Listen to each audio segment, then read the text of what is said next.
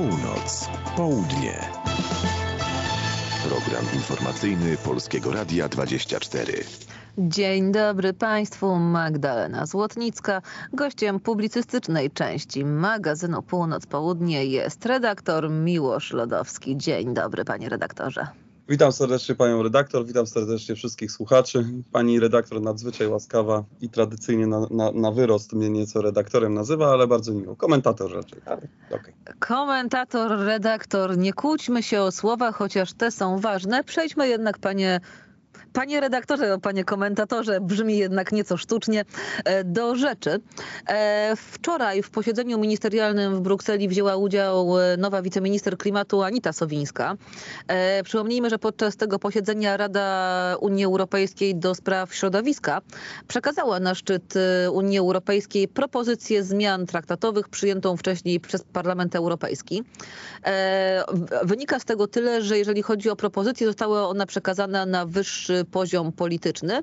E, jednak e, ten kolejny poziom, przywódcy państw Unii Europejskiej nie są już związani żadnymi terminami, jeśli chodzi o zajęcie się tą kwestią. I pytanie, co będzie dalej, zarówno jeżeli chodzi o merytorykę, jak i o horyzont czasowy. No ja myślę, że powoli zmierzamy do, do centralizacji Unii. Po prostu e, tutaj Polska wypadła troszeczkę z bloku państw stale stwarzających problemy. No i myślę, że, że e, raczej powinniśmy obserwować ewentualnie to, co, co robić będą Węgry, chociaż Węgry też potrafią handlować znakomicie z kolei e, za, za swoje e, działania, zmiany stanowisk. No więc myślę, że, że akurat niespecjalnie długo będziemy czekać na domknięcie tej, powiedziałbym, sympatycznej klateczki złotej, która ma nas wszystkich otoczyć. Jeżeli chodzi o działania polskie, no bo pojawiały się takie komentarze, że właściwie to, co się stanie, czy też stało wczoraj, to jest pierwsza taka wykładnia tego, jak nowy rząd będzie układał relacje z Unią Europejską. E, poseł Szymon Szynkowski-Welsenk z Prawa i Sprawiedliwości na antenie TVP Info mówił o tym, że w jego ocenie Polska mogłaby już teraz postawić wniosek o zdjęcie z porządku obrad Rady e, Unii Europejskiej punktu dotyczącego zmian traktatów unijnych. To byłby formalny krok, który musiałby być zrealizowany. E, tego nie zrobiono, podkreśla Szymon Szynkowski-Welsenk. E, pytanie, czy takiego ruchu w ogóle ktokolwiek się spodziewał? No panie redaktor, ja się niespecjalnie spodziewam czegokolwiek, zwłaszcza, że obserwuję nie tylko to, co się dzieje dzieje właśnie w Unii Europejskiej, czy w czasie, kiedy tam mm, odbywają się ostatnie spotkania. Patrzę także na reakcję naszego otoczenia. E, ostatnio mieliśmy wspaniałą, fantastyczną, wręcz idealną reakcję e, w regionie, mianowicie litewską, na, na sprawy, które do tej pory wiązały się z prawami mniejszości polskiej w okręgu sołecznickim. I to są tak naprawdę wskazówki, które pokazują, że polska schizofrenia już przestaje powodować w naszym regionie, a więc i w, w tym miejscu, w którym staraliśmy się budować własną siłę, poczucie jakiegokolwiek sensu budowania jakiejkolwiek sensownej koalicji w czymkolwiek z Polakami. I przestajemy się w ogóle liczyć e, jako jakikolwiek gracz w regionie, bo to już drugi raz dochodzi do wykolejenia pewnych długoterminowych, długofalowych taktyk, które Polska proponowała regionowi, w związku z czym widać ewidentne przeorientowanie się wszystkich tak naprawdę graczy, również tych najmniejszych e, w krajach bałtyckich na przykład, na, na Niemcy. E, więc idealnie działamy w sprzeczności z własnym interesem i, i, myślę, że nikt już poważnie jakichkolwiek polskich działań, polskich propozycji teraz i w przyszłości nie będzie, nie będzie traktował jako poważne i takie alternatywne dla głównego nurtu Unii Europejskiej, więc wszystko, co się dzieje tak naprawdę w Unii jest pochodną tak naprawdę naszych wewnętrznych działań. To, że nasza wojna wewnętrzna, w której przestaliśmy w jakikolwiek racjonalny sposób zarządzać naszym stateczkiem, tylko chyboczemy nim od lewa do prawa e, w ten sposób, że nabiera wody coraz mocniej, będzie y, tylko ekstrapolował w, w, skandaliczne rzeczy, które, którym będziemy się oczywiście na antenie być może oby jak najdłużej oburzać, które dzieją się w, w ramach Unii Europejskiej, czy jej struktur, czy poszczególnych komisji, czy zmniejszania y, ilości naszego wewnętrznego prawa głosu, ale tak naprawdę to Polacy budując, budując pewnego rodzaju E, koalicję sprzeciwu wobec tego wszystkiego, co się działo przez ostatnie 8 lat, e, zadecydowali o tym, że, że już nikt poważnie nas traktować nie będzie. Ja pa, Państwu powiem jedną rzecz, ponieważ wszędzie e, zastanawiamy się na każdej możliwej antenie, i, i we wszystkich mediach, co powiedział dany polityk, co tutaj, w jakiej komitywie uczestniczy. Natomiast nie zauważamy w ogóle spraw, które właśnie dzieją się w regionie i takich, na które można patrzeć szerzej. Proszę sobie wyobrazić, że właśnie Węgrzy zadecydowali o tym, że będą budować potężny terminal cargo, który ekstrapolowany jakby na wielkość Polski obsłużyłby 100 milionów Polaków, gdyby był budowany w Polsce, prawda? A w Polsce się zastanawiamy, czy centralny port komunikacyjny jest sensowny. Innymi słowy, to wygląda w ten sposób, że stale inwestujemy w rozmaite pomysły, my jako naród, my jako społeczeństwo, my jako również klasa polityczna, czy, czy ludzie, którzy chcą być odpowiedzialni za los tego, no było nie było 40-milionowego narodu w środku Europy, stale, i, i traktowani jesteśmy także przez rzeczywistość i także przez nas samych, przez własne nasze nieodpowiedzialne decyzje, jako pewnego rodzaju taki symulator y, tego, co być powinno. My wydajemy pieniądze na owe symulacje, a potem kto inny na etapie realizacji inwestycji będzie zbierał z tego korzyść. To jest absolutnie nieprawdopodobne, czym my się w ogóle zajmujemy i w jaki sposób sterujemy wszystkimi procesami, bo to dotyczy absolutnie każdej przestrzeni związanej z gospodarką. W Polsce na przykład się też nie mówi, że zaraz może być zerwana całkowicie linia dostaw do, do, do Europy i nie tylko Europy, ze względu na to, że są ataki na Morzu Czerwonym piratów, którzy są najprawdopodobniej stymulowani przez, przez Rosję i, i czterech na pięciu największych dostarczycieli jakichkolwiek towarów cargo właśnie drogą morską przez Suez. No dobrze, panie, reda panie redaktorze, ja pana jednak... Za... Ja pana jednak zawrócę do kwestii zmiany traktatów, e, bo to, o czym pan mówi, to są sprawy bardzo istotne. Ja nie, jednak nie zgodzę się, że nie wszyscy, że, że nikt nie mówi o tym, co się dzieje w regionach, bo chociażby Olga Doleśniak-Harczuk i Antoni Opaliński na, na naszej antenie o sprawach regionalnych, zagranicznych mówią bardzo często, to taka drobna uwaga. E, natomiast jeżeli chodzi o kwestie zmian traktatowych, jedna rzecz – widzimy, że w części krajów Unii Europejskiej, ja w tym momencie nie mówię o Polsce, e, jednak pojawiają się tendencje ku konserwatyzmowi, e, ku być może większemu analizowaniu, co dzieje się w Unii Europejskiej. Powstaje więc pytanie natury, powiedziałabym, pragmatycznej po co komu dyskusja o zmianach traktatów na mniej niż pół roku przed wyborami do Parlamentu Europejskiego, kiedy naprawdę nie trzeba być szczególnie e, światłym czy długo analizować, e, żeby dojść do wniosku, że ten temat to jest idealny temat na paliwo kampanijne dla formacji i tych, które mają inna niż federalizacja koncepcję na Unii, dla Unii Europejskiej, ale też dla formacji eurosceptycznych. Wobec tego pytania, o co chodzi?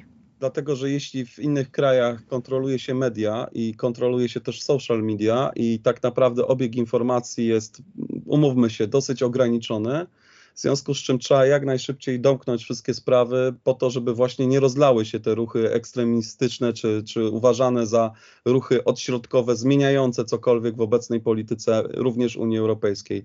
To, co pani redaktor powiedziała, na przykład jest bardzo silnie obserwowane. Ja wczoraj dostałem informację od kumpli, którzy mieszkają w Danii.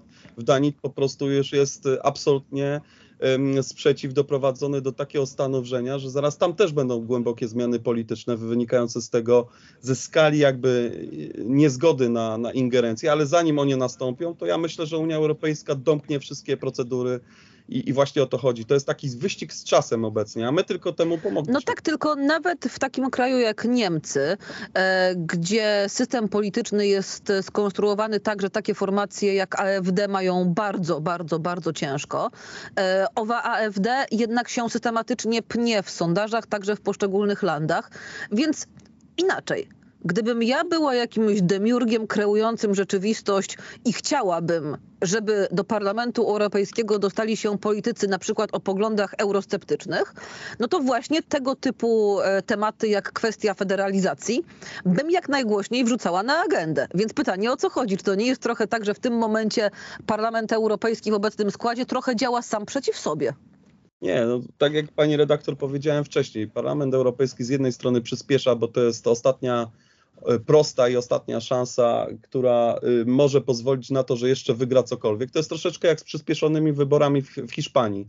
Gdyby czekano do standardowego y, i zwyczajowego terminu zrealizowania wyborów w Hiszpanii, które zrobiono w przyspieszonym tempie, czyli nie zrobiono ich w wakacje, tak jak jest sprzecznie z jakimkolwiek zwyczajem i obyczajem hiszpańskim, to najprawdopodobniej rządząca po dziś dzień y, lewica, czy nawet lewacka koalicja po prostu dostałaby tak tęgie baty, żeby się już nigdy nie podniosła, przynajmniej w najbliższej pięciolatce, żeby nie mówić e, o dłuższym terminie e, z tego stanu rzeczy, który, który się szykował. No więc to jest dokładnie ta sama droga. Przyspieszenie wszystkich procesów Unii Europejskiej ma spowodować, że na ostatniej prostej, posiadający no, niesamowitą przewagę również medialną, albo przede wszystkim medialną, bo, bo to nie jest tak, że nam się wydaje po prostu, że rynek y, komunikacyjny czy rynek informacyjny w ramach Unii Europejskiej jest równie wolny jak w Polsce, bo u nas tylko teoretyzowano na temat tego, jak w Polsce po prostu tutaj wielki totalitaryzm w mediach panuje, a tymczasem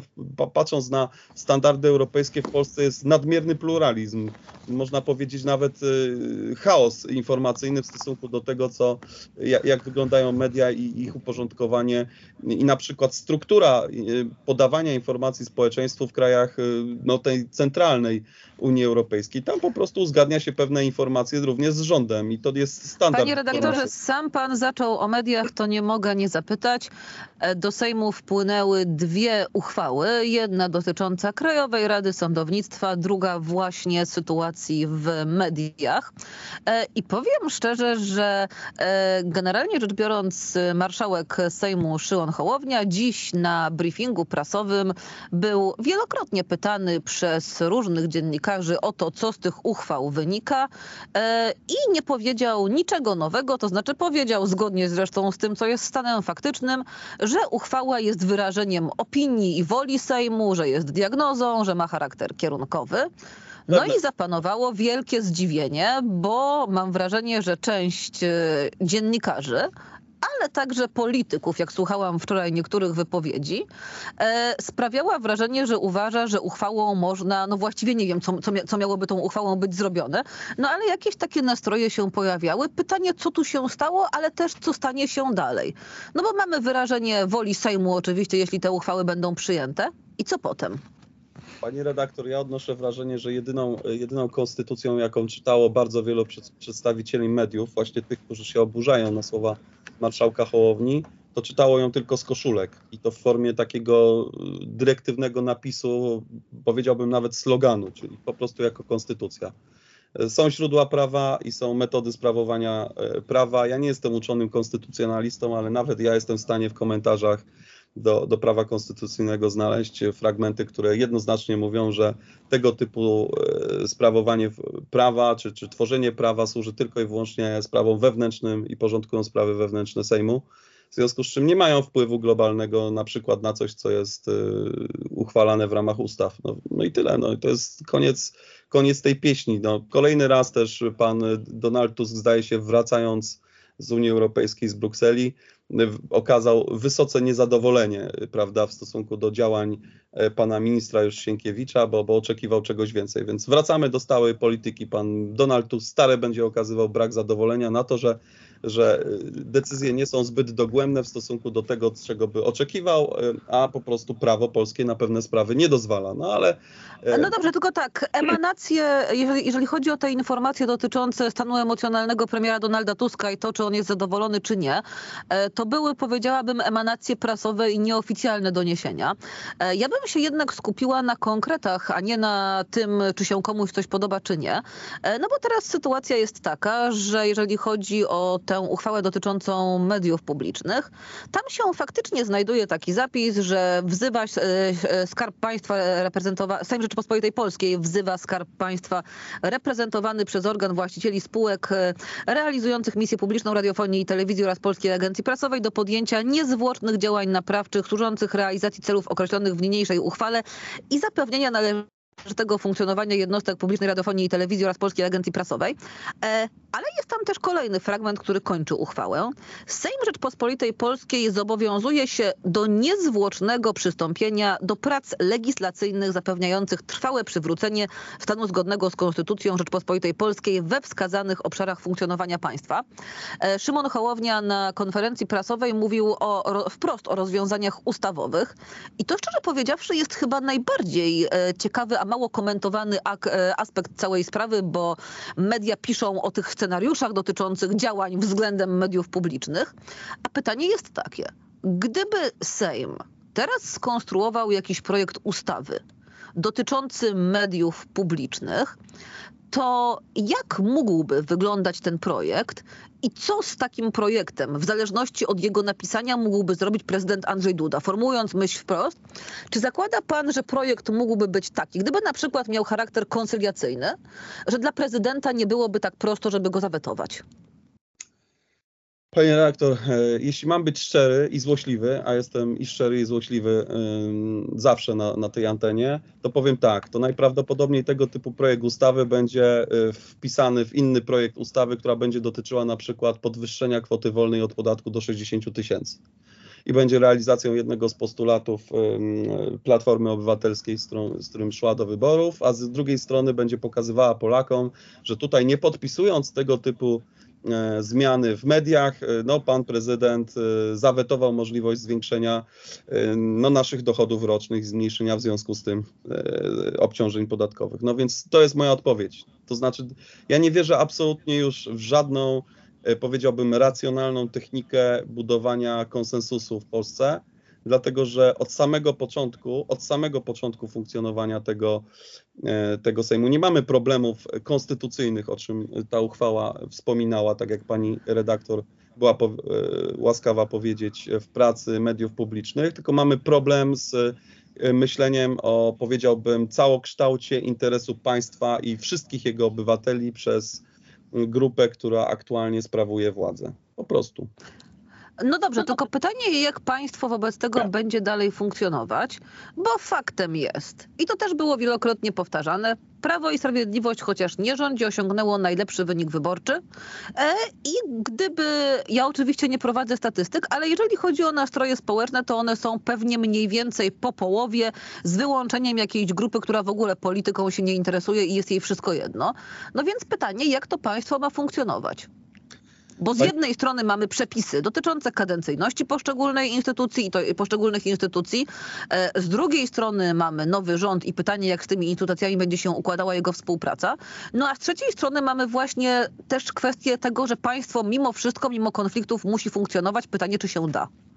Pani redaktor, y, drodzy radiosłuchacze, my od dawna funkcjonujemy w sposób urągający rozumowi i urągający, powiedziałbym, naszemu interesowi jako państwa i, i, i o czym sam, na samym początku tego naszego spotkania dzisiejszego i rozmowy e, powiedziałem. E, wszystko, co robimy, jest nie w zgodzie z, z, naszym interesem. To odbijanie się od bandy do bandy także nie jest w zgodzie, więc tego typu kurioza to nie jest nic nadzwyczajnego, co to jest niestety standard polskiego życia i patrząc tak, powiedziałbym, troszkę memicznie a, i z zewnątrz na rzeczywistą rzeczywistość polską. Wszyscy nasi wrogowie patrzą po prostu z podziwem, że w zasadzie wykładając bardzo niewielkie środki na skłócanie nas wewnętrzne tutaj wszystkich, są w stanie osiągać efekty, które są niemożliwe w każdym cywilizowanym i, i racjonalnie myślącym o swojej przyszłości kraju.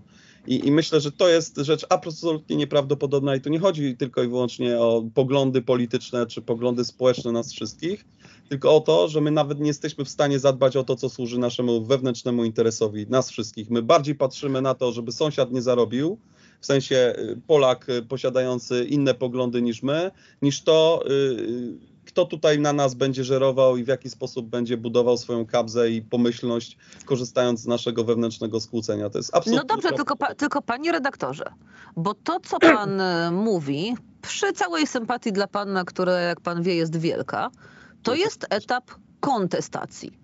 A ja się pytam o ewentualne wyjścia z sytuacji i czy one w ogóle istnieją. Bo przepraszam, że teraz ja powiem komunał, ale rozmaite banały na temat tego, jaka jest sytuacja, banały prawdziwe i opisywanie rzeczywistości, to my wszyscy, ja również jako dziennikarze robimy od dłuższego czasu, nawet jeżeli ta rzeczywistość różnie w tych naszych opisach wygląda. A ten krok dalej, to znaczy kwestia wyjścia z tych wszystkich, e, powiedziałabym, sytuacji. Istnieje pani, coś takiego? Pani redaktor, y, w takich sytuacjach, w jakiej Polska się obecnie znajduje, y, zawsze pomagały instytucje, które były na ten czas przygotowane, budowane od lat, które mogłyby stanowić rodzaj y, pewnego nie tyle arbitra, co, co elementu zbliżającego. Ale my wszystkie instytucje wysadziliśmy, włącznie z Kościołem, który w takich sytuacjach reagował i gdy dochodziło do bardzo mocnych spięć społecznych wynikających z różnych rzeczy, również e, z różnic politycznych, to Kościół tonizował i, i powiedziałbym wylewał oliwę na wrzące polskie fale.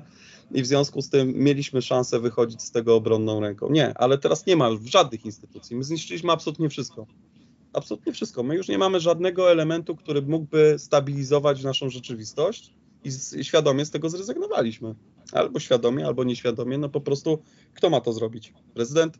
Nie, prezydent jest uważany przez jednych jako jeden z największych zbrodniarzy, przez drugich jest uważany jako element nie do końca realizujący ich własną politykę, przez trzecich z kolei jest uważany za e, osobę, która nie do końca jest sterowna, przez innych jest nadsterowna. No więc, więc tutaj jest sytuacja, że nie ma żadnej instytucji, włącznie z, z tymi, które są osadzone w systemie konstytucyjnym państwa, które ma jakąś reputację na tyle mocną, że byłoby w stanie wpłynąć na naszą rzeczywistość i zacząć wymagać od nas wszystkich, żebyśmy realizowali swój własny interes, bo naszym interesem w sytuacji, w której toczy się za naszymi granicami wojna kinetyczna, jest to, żeby był jak najmniejszy chaos, a my ten chaos z każdym dniem potęgujemy, począwszy od tego, w jaki sposób na zasadzie takiej taniego poklasku i szukania taniego poklasku i tanich zasięgów buduje się także przekaz chociażby z polskiego Sejmu.